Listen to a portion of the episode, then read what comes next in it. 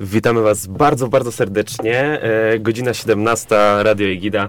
E, dzisiaj w naszym studiu gościmy Michała i Zuzę z Grajdu Festival i z Fundacji Karpatia Art, e, a wywiad przeprowadzą Lila Szuba. i Max Małota. Pierwsze i najważniejsze zarazem pytanie. Skąd pomysł na Grajdu Festival i czemu aż 900 metrów nad poziomem morza? Michał, to jest twoja ulubiona historia. Zdecydowanie tak jest. Cześć wszystkim. Dzięki w ogóle za zaproszenie. Bardzo jest nam miło. Już zdążyliśmy się troszeczkę pośmiać z, z prowadzącymi. Em, jesteśmy w doskonałych nastrojach. Dlaczego e, 900 metrów nad poziomem morza i e, skąd pomysł na Grajdu Festival? M, Historia trochę trwa, postaram się skrócić. Mm, Większość z nas pochodzi z południa Polski, konkretnie to z południowej Małopolski. E, Beskid Sądecki, e, Beskid Niski, tamte okolice. Nie wszyscy, bo nasze grono się teraz rozrasta. Więc od dziecka gdzieś łaziliśmy po naszych beskidzkich szlakach. Czasami to było e, powiedzmy w formie rodzicielskiego przymusu i niedzielnych spacerków, które albo nam się podobały, albo nie, ale jednak gdzieś się wiązaliśmy z, z tym naszym otoczeniem, które jest dosyć wyjątkowe w skali Polski, która jest bardzo płaska. No, Więc to jest jedna część historii. Druga część historii jest taka, że e, osoby, które tworzą Grajdu Festival, to jest grupa ludzi, którzy gdzieś tam e, poznawali się na innych festiwalach. Jako wolontariusze, jako e, uczestnicy festiwali lub też artyści na nich występujący, jak, e, jak Zuza. I, Tak było. Dokładnie tak było. I historia naszego festiwalu jest związana z e, historią też innego festiwalu, na którym kiedyś byliśmy wolontariuszami i w 2020 roku e, z przyczyn wiadomych e, ten festiwal odbyć się nie mógł. A e, my bardzo lubiliśmy spotykać się co wakacje e, w gronie wolontariuszy, bo wyobraźcie sobie, że jedziecie w góry na dwa tygodnie, odcinacie się trochę od cywilizacji, e, śpicie w namiotach, łazicie po lesie i codziennie, można powiedzieć, zacharowujecie się fizycznie e, tylko po to, żeby później zwieńczyć te dwa tygodnie ze sobą e, w takiej, w takiej izolacji doskonałą zabawą do czegoś, co, co tworzycie. Więc bardzo nam zależało na tym, żeby, na tym, żeby tego ducha podtrzymać. No i po prostu postanowiliśmy się spotkać em, z muzyką na żywo. Zorganizowaliśmy sobie, można powiedzieć, takie małe ognisko muzyczne. Em, odezwaliśmy się do znajomych zespołów, zaprosiliśmy swoich e, znajomych, swoich przyjaciół i, i co? Wtedy jedyne miejsca, w których można było robić takie rzeczy, e, to były schroniska górskie. w mieście za bardzo się tego nie udawało zrobić. E, no i tak zupełnie przypadkiem trafiliśmy z muzyką na żywo w górę. Mm, Pomysł wypalił, bardzo się to nam spodobało. czyli wwożenie sprzętu terenówkami na te 900 metrów nad poziomem morza. Już i- tutaj teraz też odpowiadasz na, na jedno z moich pytań, e, czy, czy nie ma łatwiejszych miejsc do zrealizowania takiego Wiesz, festiwalu. teraz już są. E, teraz, teraz już są, bo my zaczynaliśmy od schroniska, do którego naprawdę, powiedzmy, z punktu widzenia mieszkańca e, aglomeracji albo nie wiem, innego, innego miasta, e, to jest to dosyć hardkorowa sprawa. Czyli, wiecie, faktycznie musieliśmy wszystko ładować e, no, na jeepy. Pierwszą imprezę, jaką robiliśmy, to w ogóle e, wspomagaliśmy się też e, wozem drabiniastym. E, No to już prawdziwie górsko. Tak, lokalnego gospodarza. Mm, Po kilku imprezach zrobionych e, we wspaniałej chacie Magury w e, gminie Piwniczna przenieśliśmy się na drugą stronę Doliny Popradu, do Bacówki nad Wierchomną. No Zresztą właśnie, o tym miejscu zmieniacie jeszcze miejsce. opowiemy. Tak, zmieniamy Tak. miejsce, bo rośniemy. Aha, czyli no bo właśnie to odpowiadacie na moje kolejne pytanie, bo miałam je zapisane, że co różni od poprzedniego miejsca nową miejscówkę, którą macie w tym roku. Zuza, chcesz odpowiedzieć na to pytanie? Tak, bardzo chcę odpowiedzieć na to pytanie, bo jestem jedną z osób, które głosowały za zmianą miejscówki. To jest przede wszystkim łatwość dostępu. Bo chata Magury oczywiście była położona w przepięknym miejscu, były piękne wschody, zachody słońca i generalnie super, ale bardzo trudno było się tam dostać, a jeszcze szczególnie, kiedy ktoś nie chodzi po górach tak jak ja. Co tam robię? Nie wiem. Generalnie właśnie wtedy, jak wysiadłam e, przed, przed początkiem szlaku, ja byłam absolutnie przerażona, że ja teraz mam tam iść. Dlatego myślę, że przeniesienie festiwalu do Bacówki nad Wierchomną po prostu sprawi, że osobom będzie łatwiej do nas dotrzeć. Takim, które no, jakby mają siłę w nogach, ale może nie są aż tak wprawione w górskich wyprawach. Jeżeli mi cię jeszcze pozwolicie wtrącić tutaj, to ja tak Pozwalamy może... zawsze. Dziękuję bardzo. To ja tak e, uzupełniając, żeby wszyscy e, słuchacze i wszystkie słuchaczki zrozumieli, zrozumieli ten koncept. Jest ekipa znajomych, którzy lubią robić imprezy. Przez przypadek im się impreza udaje. E, jedyne miejsce, w którym tą imprezę mogą zrobić, to jest schronisko górskie. Zakochują się w tym schronisku górskim i impreza zaczyna rosnąć. Pewnego dnia po którejś e, edycji tej imprezy dochodzą do wniosku, że w zasadzie to zrobili już festiwal, bo z trzech kapel zrobiło się osiem. Do, do, dodaliśmy dekoracje, scenografię, em, jakąś konferencjerkę. No i czas się otworzyć na ludzi. I tak zrobiliśmy dwie edycje w tym samym miejscu. E, Tylko, że miejsce po prostu, choć piękne, tak jak Zuza mówi, po prostu ma swoje ograniczenia. A e, w tej zajawce też najfajniejsze jest to, że tworzysz coś, z czego też mogą korzystać inni. Robisz imprezy, na których inni się mogą bawić, więc te miejsca muszą być po prostu dostępne. E, Ja tutaj zostanę jeszcze przy tym temacie rozwoju waszego festiwalu, e, bo e, czy macie w planach jakby docelowo jeszcze coraz bardziej rozszerzać ten festiwal, czy chcecie, będziecie chcieli zachować jakąś kameralność całego tego wydarzenia? Rozwijać się chcemy, oczywiście, natomiast to nie, nie przewidujemy rozrostów takie jak w masówkę, albo takie, nie wiem, nawet, nawet 10-tysięczny festiwal to jest już dużo. U nas jest w tym momencie, w zeszłym roku było jakieś niecałe 300 chyba Dokładnie tak. i nie spodziewamy się jakiegoś ogromnego wzrostu na ten rok i nam się to podoba. To znaczy zu- zupełnie nie w to celujemy, to znaczy staramy się rozwijać e, e, tą inicjatywę, po prostu trochę ją sobie komplikując, dodając kolejne elementy programu, dodając w ogóle kolejne em, m, klocki do tej festiwalowej układanki, tak? Czyli nie wiem, na przykład oprócz muzyki, warsztatów i spotkań literackich, angażując e, artystów, którzy em, też zajmują się czymś innym, e, dekoratorów, scenografów, rzeźbiarzy. To jest coś, w co chcemy uderzać. Em, Chcemy też e, angażować organizacje społeczne, które pracują nad rozwiązaniem często idealistycznie i w, trochę taki syzyfowy sposób e, nad rozwiązaniami pewnych problemów, które dla nas są istotne. Ale nie chcemy, em, żeby festiwal puchł. To znaczy, e, doceniamy bardzo dużą wartość e, imprez, które są kameralne. To znaczy, tworzysz imprezę, na której przez tych kilka dni rozpoznajesz już twarze ludzi, których mijasz. I masz dużą pewność, że jeżeli wrócisz za rok, to te twarze w znacznym stopniu też tam będą. Mam wrażenie, że w ogóle takich przestrzeni, które em, pozwalają na takie bycie wspólnotowe, no trochę brakuje. I, I to jest coś, co my chcemy uzupełniać. To jest coś, co odkryliśmy zupełnie przez przypadek, robiąc imprezy. I, i no cóż, no. No i tak to, tak to leci. no i tak to leci na tej wsi. Wracamy po przerwie i moje pytanie brzmi, wracamy może bardziej do tematu okołospołecznego, o którym mówiliśmy przed przerwą, a ja wracam z pytaniem, mm, ponieważ za każdym razem, kiedy grajdu się odbywa, to jakiś temat jest przewodni, coś dedykujecie czemuś, jakiemuś tematowi społecznemu ten grajdu i jaki jest w tym roku w takim razie ten temat społeczny i czemu ten? Mm, hmm, dobre pytanie, lubię na nie odpowiadać. E, Skąd się w ogóle wzięło, skąd się wziął pomysł na temat przewodni? Tak jest. Znowu e, przypadek, to znaczy jak organizowaliśmy imprezy, które na początku były wydarzeniami no, typowo muzycznymi mm, i postanowiliśmy trochę, że tak powiem, ufestiwalowić te nasze spotkania, zaprosiliśmy paru znajomych, którzy mają coś ciekawego do powiedzenia, bo się czymś ciekawym zajmują. Wtedy to była moja znajoma, która jest e, filozofką, oprócz tego prowadzi bloga podróżniczego i co roku e, na kilka miesięcy wyrusza gdzieś w świat, aby po tym świecie po prostu chodzić i później z tych wędrówek zawsze przywozi zbiór ciekawych re- refleksji, więc wtedy e, poprosiliśmy ją e, na tej naszej pierwszej imprezie, żeby opowiedziała o swojej filozofii chodzenia. Pojawili się też nasi e, znajomi dziennikarze, którzy zajmowali się w tamtym czasie mm, tematyką kryzysu na granicy polsko-białoruskiej. To super wypaliło. To znaczy, przyprowadzenie takich ludzi do takiej dosyć sielankowej atmosfery naprawdę umożliwiło nawiązanie prawdziwej dyskusji między naszymi gośćmi, naszymi uczestnikami, a osobami, które przyjechały, żeby o czymś opowiedzieć. Okazało się to być fantastycznym strzałem i postanowiliśmy to powtórzyć na pierwszej edycji naszego festiwalu.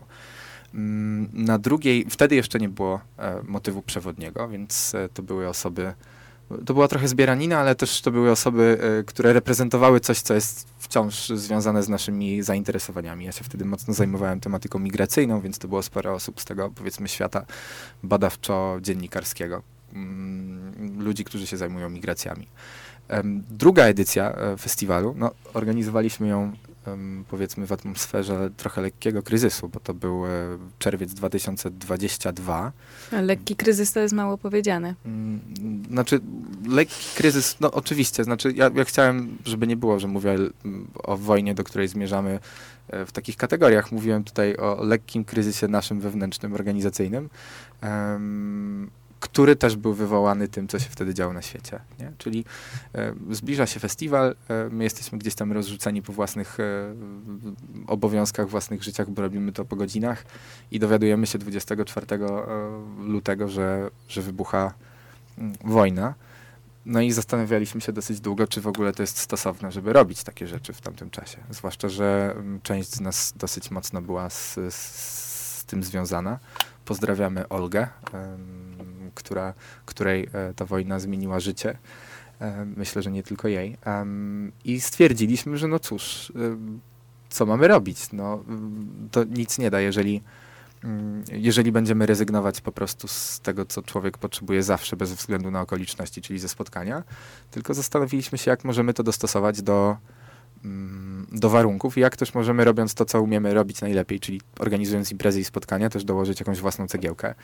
I postanowiliśmy mm, poświęcić ten nasz e, drugi festiwal e, no, kwestiom związanym e, wtedy z wojną. Tak? Część wpływów z biletów oddaliśmy na organizacje, które zajmowały się uchodźcami w Polsce. Zaprosiliśmy też ukraińskie zespoły i okazało się, że to był kolejny dobry strzał i dobry trop. I wtedy postanowiliśmy, że co roku tak będziemy robić. Że będziemy określać sobie jakąś tematykę, która trochę też nas będzie tunelować, jeśli chodzi o to, kogo możemy zaprosić. Ale też y, no, będziemy, powiedzmy, za pomocą takiego motywu przewodniego e, tworzyć taką naturalną zachętę do refleksji na ten temat e, dla naszej publiki, dla naszych gości. To trochę zahaczam o temat y, tego, że oddaliście część wpływów na y, organizacje związane z, z, Ukrainą. I moje pytanie brzmi, czemu Grajdu jest non-profit i dlaczego y, taka forma, przynajmniej patrząc na waszą stronę, takie widnieje hasło, że to nie wydarzenie oparte na chęci zysku. Hmm. Nie wiem, jak mam zacząć odpowiadać znaczy, na to No pytanie. ja myślę, że tutaj jakby przy, przy samym założeniu nie było, nie było chęci zysku, tylko chęć zrobienia Dokładnie. dobrej imprezy. Dokładnie tak. No, znaczy, no, to są... No taką odpowiedź liczyłam. Do, znaczy, do, dokładnie tak było i, i, i, cały czas tak jest. To znaczy, tak jak powiedziałem, chcieliśmy na początku zrobić imprezę, która miała e, załatać jakąś dziurę po innej. Po prostu potrzebowaliśmy spotkania i mm, to było raczej robione w kategoriach zrzutki i zbierania tych zasobów, którymi dysponujemy. Mm, gdy stwierdziliśmy, że będziemy robić festiwal, to też to nie miało na celu um, zarobku, bo to jest przy takiej skali w zasadzie niemożliwe. Um, tylko przede wszystkim chcieliśmy zrobić na tych zasobach, którymi dysponujemy, tak dużo jak się da i tak fajną imprezę, jak to jest tylko możliwe. No i, i to jest coś, co nam cały czas przyświeca. Um, bo uważamy, że po prostu takich imprez brakuje, że one są potrzebne, że one są fajne i daje nam to bardzo dużo. W sensie myślę, że ci Zuza pałeczkę przekaże, ale organizowanie czegoś takiego, no to jest jednak niezła szkoła życia i umiejętności, czasami bardzo nieprzystających do siebie. Tak, to ja się z tym wszystkim zgadzam, ale też mam niesamowitą satysfakcję z tego, że mogę przyłożyć rękę do stworzenia miejsca czy inicjatywy, która, którą sama, sama mogę troszeczkę zarządzać, powiedzmy, i też mogę na własnych warunkach przekazać coś coraz większemu gronu osób. Na początku to była muzyka, bo ja tam zostałam przez Michała ściągnięta jako DJ-ka na afterparty, a w tym momencie ogarnia media społecznościowe i to, co mi wpadnie w ręce akurat. Czyli wszystko za bardzo dużo ogarnia. Tak, ja, ja do tego rozszerzenia działalności Great Dołu chciałem też tutaj e, nawiązać, bo oprócz, e, oprócz muzyki, którą, e, którą, którą tam proponujecie, e, są też spotkania z prelegentami i mamy tutaj innymi Martę Niedźwiecką. I co według was jest największą zaletą tego, tej kameralności, tego, że, e, że ten dialog, dialog pomiędzy prelegentem a, em, a słuchaczami, którzy na tym grajdole się znajdą, e, może być tak kameralny? Jakie są tego zalety? Po prostu. Gadka jak ze znajomymi po prostu. Przychodzisz na prelekcję na początku i oczywiście jest ta taka dynamika, powiedzmy, że jedna osoba mówi, pozostałe słuchają, ale to się prędzej czy później przeradza w taką dyskusję, no na poziomie prawie, że jak ze znajomymi, a później w sumie to jest już rozmowa ze znajomymi. Dokładnie tak jest. Ja tylko tutaj nadmienię, żeby, żeby nie było, że, e, że uważamy, że zrobiliśmy coś, co jest niepowtarzalne, bo tak nie jest. To znaczy, my, to, my, my wiemy, bo też uczestniczymy w innych imprezach, mniej lub bardziej do naszych podobnych, że e, wrzucenie takiego elementu, powiedzmy, trochę uświadamiającego, trochę społecznego, trochę edukacyjnego w e, przestrzeń, która raczej się kojarzy z, z relaksem, z rekreacją, zwykle daje dobre efekty. To znaczy, zupełnie inaczej się chłonie wiedzę, zupełnie inaczej się chłonie te informacje w takim kontekście. E, W naszym przypadku dochodzi na pewno e, też to, że to jest e, trochę odizolowane miejsce. Więc osoby, które do nas przyjeżdżają, bez względu na to, z której strony, czy to są uczestnicy, czy to są wiem, goście, tak, prelegenci, raczej tam zostają na dłużej. Tak? Jak jedziesz w góry i idziesz na szlak, to nie nastawiasz się na to, że wpadniesz na 45 minut, wygłosisz wykład i się zapakujesz w drugą stronę, bo to ci się po prostu nie opłaca. Jak No teraz jest podobno prościej, nie? Teraz jest prościej, ale Nie aż tak. Nie aż no tak wiecie, nadal. dalej jesteśmy na, przy samej słowackiej granicy, więc y, w zasadzie z dowolnego miejsca w Polsce trzeba do nas kawałek dojechać. Nie jesteśmy w, w, w centrum. Mm, No i jest tak pięknie, że zwykle jak ktoś przyjedzie, to chce zostać. To jest, to jest naturalnym wyborem, więc zostajesz, wychodzisz od razu poza tą formę wykładową, e, mocno sformalizowaną i, i, i co? No tak się po prostu rozmawia lepiej, przyjemniej. Dobrze, i my też tutaj z naszymi gośćmi zostajemy dalej, a tymczasem przechodzimy do piosenki e, Chcę całego, Pani Las. Moje pytanie brzmi, co sprawia, że akurat powinnam między 15 a 18 czerwca pojechać na Grajdu Festiwal, a nie na jakikolwiek inny festiwal muzyczny, albo po prostu zostać w domu. Co sprawia, że powinnam się tam pojawić? Oczywiście z waszej perspektywy. A chciałabyś zostać w domu? No, dlatego pytam właśnie. Bo może bym chciała. Po co być w domu, skoro możesz jechać i spać pod namiotem, pod gwiazdami, ze świetnym soundtrackiem. Mamy naprawdę niesamowity program muzyczny w tym roku i pójdę na wszystkie koncerty, bo już się nie mogę doczekać. I się jaram. Program pozamuzyczny, dokładnie to samo. Jest dopieszczony tak, że już nie wiem, czy dałoby się bardziej. Nie, zupełnie serio. y, Tak uważam, że jesteśmy, jakby, że, że robimy, może celowo, może przypadkiem, ale całkiem pokręconą imprezę. to jest naprawdę pokręcona impreza. Em, dlaczego warto do nas przyjechać? Dlatego, że to jest małe i kameralne. Więc y, jak ktoś na co dzień jest przyzwyczajony do dużych imprez em, i chciałby jakiejś odmiany, albo po prostu nie lubi dużych imprez i chciałby jednak pojechać na jakąkolwiek imprezę, to u nas się dobrze odnajdzie. Dlatego, że mamy przepiękny, przepiękny krajobraz dookoła. To znaczy, y, nasza scena dosłownie ma Tatry w tle. To znaczy, wychodząc do Bacówki nad Wierchomlą, y, macie panoramę 180 stopni. Jest, jest, jest to coś niesamowitego. W dowolnym momencie możecie się od tego wszystkiego, co się dzieje w tej mikrowiosce festiwalowej odciąć, więc y, Pójść 100 na metrów spacer. jesteście w lesie, idziecie sobie szlakiem na jedną górkę, na drugą górkę. Mm, Dlatego, że program jest dobry. Naprawdę uważam, że ten program, który robimy, jest dobry. Tutaj taka mała tajemnica Poliszynela. Kiedyś mi to kumpel zarzucił. Zapytał się, Michał, czy ty kiedyś zrobisz imprezę, która nie jest imprezą dla ciebie? Ja mu wtedy powiedziałem, nie. Em, To brzmi egoistycznie, ale em, pokażę, trochę rozwinę tą perspektywę. Robimy po prostu tą imprezę tak dobrze, jak możemy na danych warunkach y, i z bardzo ograniczonymi możliwościami. I naprawdę zapraszamy tam ludzi, których e, uważamy za prezentujących dobry poziom i, i dających e, światu e, tak twórczo coś, coś, coś dobrego. Nie? To są, na scenie grają No. zespoły, które nam się w sumie marzą. Nie No, my długie godziny spędziliśmy właściwie selekcjonując, wybierając, jeszcze przeglądając maile, bo też są zgłoszenia poza tym, co nam się marzy.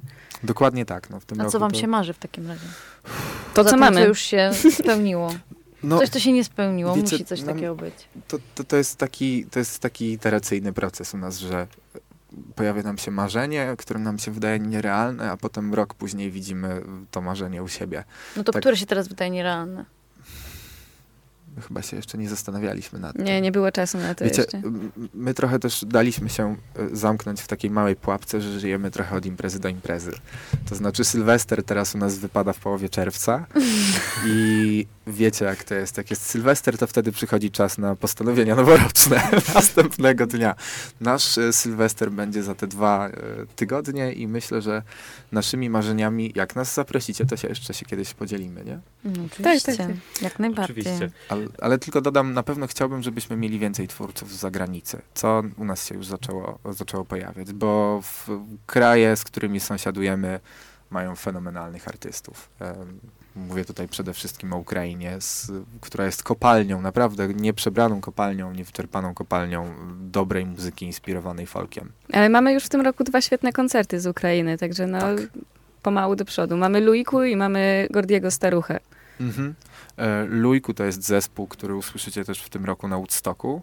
To jest taki naprawdę bardzo dynamiczny mix world music, a Gordy Staruch to jest e, lwowski muzyk, producent, producent, a w zasadzie wytwórca lir korbowych, jeden z najlepszych w Europie, który miesza tradycyjną ukraińską muzykę z elektroniką. I jak wejdziecie na Twittera i pooglądacie sobie e, niektóre nagrania z działań wojennych na, na wschodzie Ukrainy, to bardzo często usłyszycie jego piosenki w tle. E, Mówiliście tutaj o, e, o tym, że Grajdu jest dla was trochę jak ten Sylwester i, i że to jest taki czas podsumowań. E, Jeśli o te podsumowania chodzi, to to jest już trzecia edycja Grajdołu. I mm, czy jesteście mi w stanie powiedzieć, jakie błędy popełniliście przy poprzednich edycjach, tak w ramach tego podsumowania, które już teraz rozwiązaliście? Czego was po prostu nauczyły te poprzednie edycje? Dokładnie tak. Ja myślę, że dostępność to jest pierwsze, co mi do głowy przychodzi. Bo chaty Magury, no to już wspominałam, były piękne, ale był z nimi problem, jak chodzi o możliwości dojechania samochodem, dostarczenia czegoś, zwiezienia kogoś na dół, w ogóle dotarcia. To, to była spora wyprawa. Tak, nam się to wydawało na początku wielką atrakcją. W sumie to, to też było, że musieliśmy przepakowywać muzyków z ich samochodów do, do naszych samochodów. Jesteście terenowych. prawdziwymi romantykami po prostu. Oj. No trochę tak. Nie wiem. Tak to brzmi, Boże, bardzo jak to- romantycznie jak po to, prostu. jak, to, jak, to, jak to pięknie y, zabrzmiało. Nie spodziewałem się takiego finału. W kontekście No mamy epoki takie literackiej też Takiego- trochę. Tak bardziej w takim sensie niż takim mm, emocjonalnym. O tak bym to ja. Nie wiem, może trochę. y, Może trochę. No wiecie, robimy to dla zajawki, to jest nasz, e, nasz podstawowy motywator, ale jeszcze wracając do tych błędów, tak jak już zapowiedziała, dostępność. Druga rzecz, może dopuszczenie ludzi z zewnątrz. To jest też coś, co to jest też coś, co zaczęliśmy odkrywać, bo wiecie, łatwo jest zacząć coś robić w gronie znajomych y, i tak się, tak się schermetyzować, a, a my w pewnym momencie zobaczyliśmy, jak dużo daje dopuszczenie ludzi, którzy też naturalnie chcą, chcą się Pomóc po zaangażować, pomóc. Zresztą my też byliśmy kiedyś takimi ludźmi. Co jeszcze z błędów? Musimy mieć trzy, przynajmniej. Mhm. Ja mogę zaczepić, że zaczęliście rekrutować wolontariuszy. Wcześniej chyba tego nie wiem, czy byli, ale nie widziałam tego tak intensywnie. Była rekrutacja, ale ostatecznie to i tak byli znajomi w No większości. właśnie. A teraz już ktoś obcy się pojawił? Dopuściliście kogoś? Bardzo dużo osób jest obcych. No, w, Znaczy jest ten taki kor, powiedzmy, tych wolontariuszy z zeszłego roku, których już znamy i jest chyba 25 osób nowych. dokładnie. No to Mhm. całkiem spora grupa. No wiecie, w zasadzie cały ten festiwal stawiamy siłami wolontariuszy, więc Tak, no nie ta wątpię. impreza jest, jest y, od nich zależna. No i jak rośnie skala, no to też musi być tych osób trochę więcej. Ym, Wiecie co, błędów, które popełniliśmy jest naprawdę bardzo dużo. Nie o to chodzi, żeby Tylko- was tutaj po prostu Nie, nie, ze nie, złej spoko. strony Ym, poprzedstawiać. Nie, nie, nie, absolutnie rozumiem twoje intencje, ale nie o wszystkich myślę, że będę w stanie powiedzieć tutaj. E, Na pewno kiedyś Trzeba by listę napisać trzeba po byłoby prostu. napisać po prostu listę. My mamy taki, taki, Taki zeszyt. zeszycik zwierzeń. Mhm. Y, sami przed sobą się zwierzamy, co nam nie wyszło i co chcielibyśmy poprawić. Ja jeszcze chciałam zaczepić o fundację, która, Carpat Art, która jest jakby mm, powiązana z, waszą, mm, z, z waszym festiwalem i z tego, co pamiętam, to e, jakby ona jest, nie że z organizatorem, to też wy jesteście jej współtwórcami. Jakbyście chcieli coś więcej o tej fundacji jeszcze może powiedzieć. Bo ona jest dla mnie taką enigmą. Co jest jej motywem przewodnim? Jasne. Już, e, już wam mówię i znowu pozwolę sobie na e, odsłonięcie kart. Skoro poprzednie pytanie było, Pozwól sobie. pytanie było błędy. Mm, Dla wszystkich ludzi, którzy chcieliby się kiedyś zająć organizacją czegokolwiek, musicie mieć podmiot. Ciężko jest zorganizować jako osoba prywatna cokolwiek. E, Tak też odkryliśmy, jak zaczęliśmy organizować imprezy, że musimy mieć jakąś osobowość prawną. No i zastanawialiśmy się, czy, czy powinniśmy założyć stowarzyszenie, czy powinniśmy założyć fundację, tak żebyśmy mogli po prostu działać legalnie i, i profesjonalnie. Mm, Fundacja powstała właśnie do, w tym celu, żebyśmy mogli w środowisku, które dla nas jest bliskie, które jest dla nas ważne, mówimy tutaj o, o tej Polsce Południowej, organizować spotkania, które e, będą miały taki bardzo, powiedzmy, wspólnototwórczy i integrujący rys. Chcieliśmy wykorzystywać to, jakby siłę naszego regionu, powiedzmy, e, też e, jego dziedzictwa kulturowego, tej, tej kultury, którą jesteśmy otoczeni, w której byliśmy wychowywani, ale też myślę e, nawet samego krajobrazu, bo uważamy, że góry są bardzo inspirujące i ta górska przyroda też ma coś takiego, co chwyta za serce, przynajmniej nas. Po to, żebyśmy, e, po to, żeby po prostu dawać ludziom tą wartość spotkania. Potem em, zaczęliśmy odkrywać, ile, ile jesteśmy jeszcze w stanie robić innych rzeczy, tylko no cóż, na razie ograniczaliśmy się głównie do robienia imprez. E, Mamy pewne e, inne projekty na myśli. Plany są. Plany są, tylko że wiecie, one step at a time. Czyli najpierw, najpierw imprezy, potem, potem fundacje. Najpierw grajdu, a Najpierw potem, grajdu, potem, inne zobaczymy. koncerty, potem inne projekty. Na razie tak to wygląda. Bo grajdu to jest na tyle angażujące przedsięwzięcie, że naprawdę ciężko jest myśleć o, o czymkolwiek innym w czasie, jeszcze w, teraz, kiedy jesteśmy już na półmetku, znaczy nawet dalej niż na półmetku. No już za chwilę tak naprawdę, nie? Tak, Gracie. tak, tak. W tym momencie jest każda moja myśl i każdy mój mięsień myśli i mówi grajdą. I co jeszcze mogę tutaj dodać, jeśli chodzi o, o, i o naszą fundację, i nasz festiwal? Mm, No jesteśmy relatywnie młodą ekipą. Zuza, chyba ty jesteś w tym momencie najstarsza, prawda? Tak. Jako już 28-latka? Tak, czy jeszcze nie? 28. A najmłodsi, najmłodsi, e, że tak powiem, uczestnicy całego Ambarasu to są 19-latkowie, więc jak sami doskonale wiecie, to jest taki okres w życiu, gdzie człowiekowi bardzo mocno się zmieniają priorytety i poszukuje też siebie. Więc z, powiedzmy z tej e, z tego kotła e, różnych osobowości, różnych wartości, różnych aspiracji też nam wychodzą różne rzeczy i to się cały czas dociera. Więc o ile na początku chcieliśmy robić tylko imprezy, to teraz mamy też trochę większe aspiracje i trochę inne, inne plany. Mam nadzieję, że będziemy mogli wam wkrótce o nich opowiedzieć. Czujecie, że macie misję jakąś teraz w tym? Czy to nadal jednak robienie imprez? Czy ta misja zaczyna się dziś pojawiać? Nie, ja, ja, ja to robię misyjnie, myślę, od, od w zasadzie pierwszej edycji. Na czym ta misja polega? W, przynajmniej w twoim ja, odczuciu. Ja się będę powtarzał, ale to jest tworzenie przestrzeni dobrego spotkania, bo uważam, Mhm. że autentycznych, dobrych spotkań nigdy za dużo. To jest bardzo, bardzo konkretna misja. Serio? Tak, no nie taka, o której bym pomyślała, ale jak, jak o tym teraz słucham, to mam do tego taki stosunek, że kurczę, no faktycznie, może jest coś w tym, że nie ma takiej przestrzeni na co dzień na pewno. Gdzieś tam może właśnie rozproszonej, chociażby jakąś bardzo dużą ilością elektroniki albo 50 innych rzeczy, które trzeba zrobić na raz, nie? A tam się siedzi i po Tak. prostu Nie, ma mo- wyjścia. Nie ma wyjścia, musisz zacząć rozmawiać, bo nie masz za bardzo jak wrócić. Przynajmniej wtedy. Dokładnie tak jest. I mam wrażenie, że później jak już odkryjesz taką potrzebę w sobie, to, to, to się gdzieś ci rozlewa na, na inne obszary życia, że poszukujesz tego spokoju, i poszukujesz te, tego spotkania i tych, tych relacji w, no, w innych obszarach, nie? Em, więc to trochę jest tak, znaczy ja przynajmniej w to wierzę, że nawet takie, nawet takie trzy dni mogą dać ci coś więcej. Zresztą z tego, co wiem, e, znaczy, no z tego, co wiem, na pewno wiem, em, em, są już badania na ten temat. Nie mogę wam teraz powiedzieć, może zalinkuję to w jakimś komentarzu na jednym z festiwali, na których byłem w zeszłym roku. Socjologowie bodajże z, z Uniwersytetu Warszawskiego jeździli po polskich festiwalach i rozmawiali z uczestnikami, uczestniczkami właśnie o tym, jakby co, co im to daje i dlaczego jeżdżą. Jestem przekonany, że, że właśnie taka potrzeba spotkania i przeżywania czegoś w, w jakimś kolektywie to wysunie się na pierwszy plan.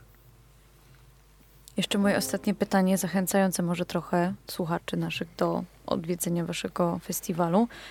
Co jest waszą ulubioną jego częścią? Nie wiem, czy ktoś z line-upu, czy jakiś prelegent, czy jakieś warsztaty. Coś waszego, taka jedna, bo dwie rzeczy absolutnie Na co ukochane. najbardziej czekacie? O, właśnie, może na co najbardziej Dla czekacie? mnie koncerty i te spotkania, bo jak wspominam sobie poprzednią edycję, to takie naj, najmilsze dla mnie momenty to było y, albo stanie pod sceną, albo kawałeczek od sceny, jak rozmawialiśmy o tym, co się działo na scenie akurat, albo o czymś w ogóle niezwiązanym. Tak. No, ja się pod tym podpisuję. Po prostu fajnie jest patrzeć na ludzi, których zaprosiliście w jedno miejsce, którzy się bawią, którzy też nie wiem, tworzą sztukę i tych innych, którzy ją odbierają. Czekam na, czekam na muzykę. Bilety rozumiem, że jeszcze nadal są dostępne do kupienia. Jak najbardziej. Na stronie Ekobiletu, o ile się nie mylę, ale możecie dokładnie powiedzieć. Tak, to jest platforma Ekobilet i w tym momencie obowiązuje czwarta pula, która kosztuje 299 zł za bilet pojedynczy, 1111 za bilet czteroosobowy i 150 za bilet jednodniowy na piątek lub sobotę. Z polem namiotowym, co warto zaznaczyć w cenie. To ważne. Tak jest, dobra. Dziękujemy wam bardzo w takim razie za wywiad. Dziękujemy za zaproszenie. Tak, i zapraszamy 15 do 18 czerwca Grajdu Festiwal przy Bacówce PTTK pod Wierchomlą. Dzięki.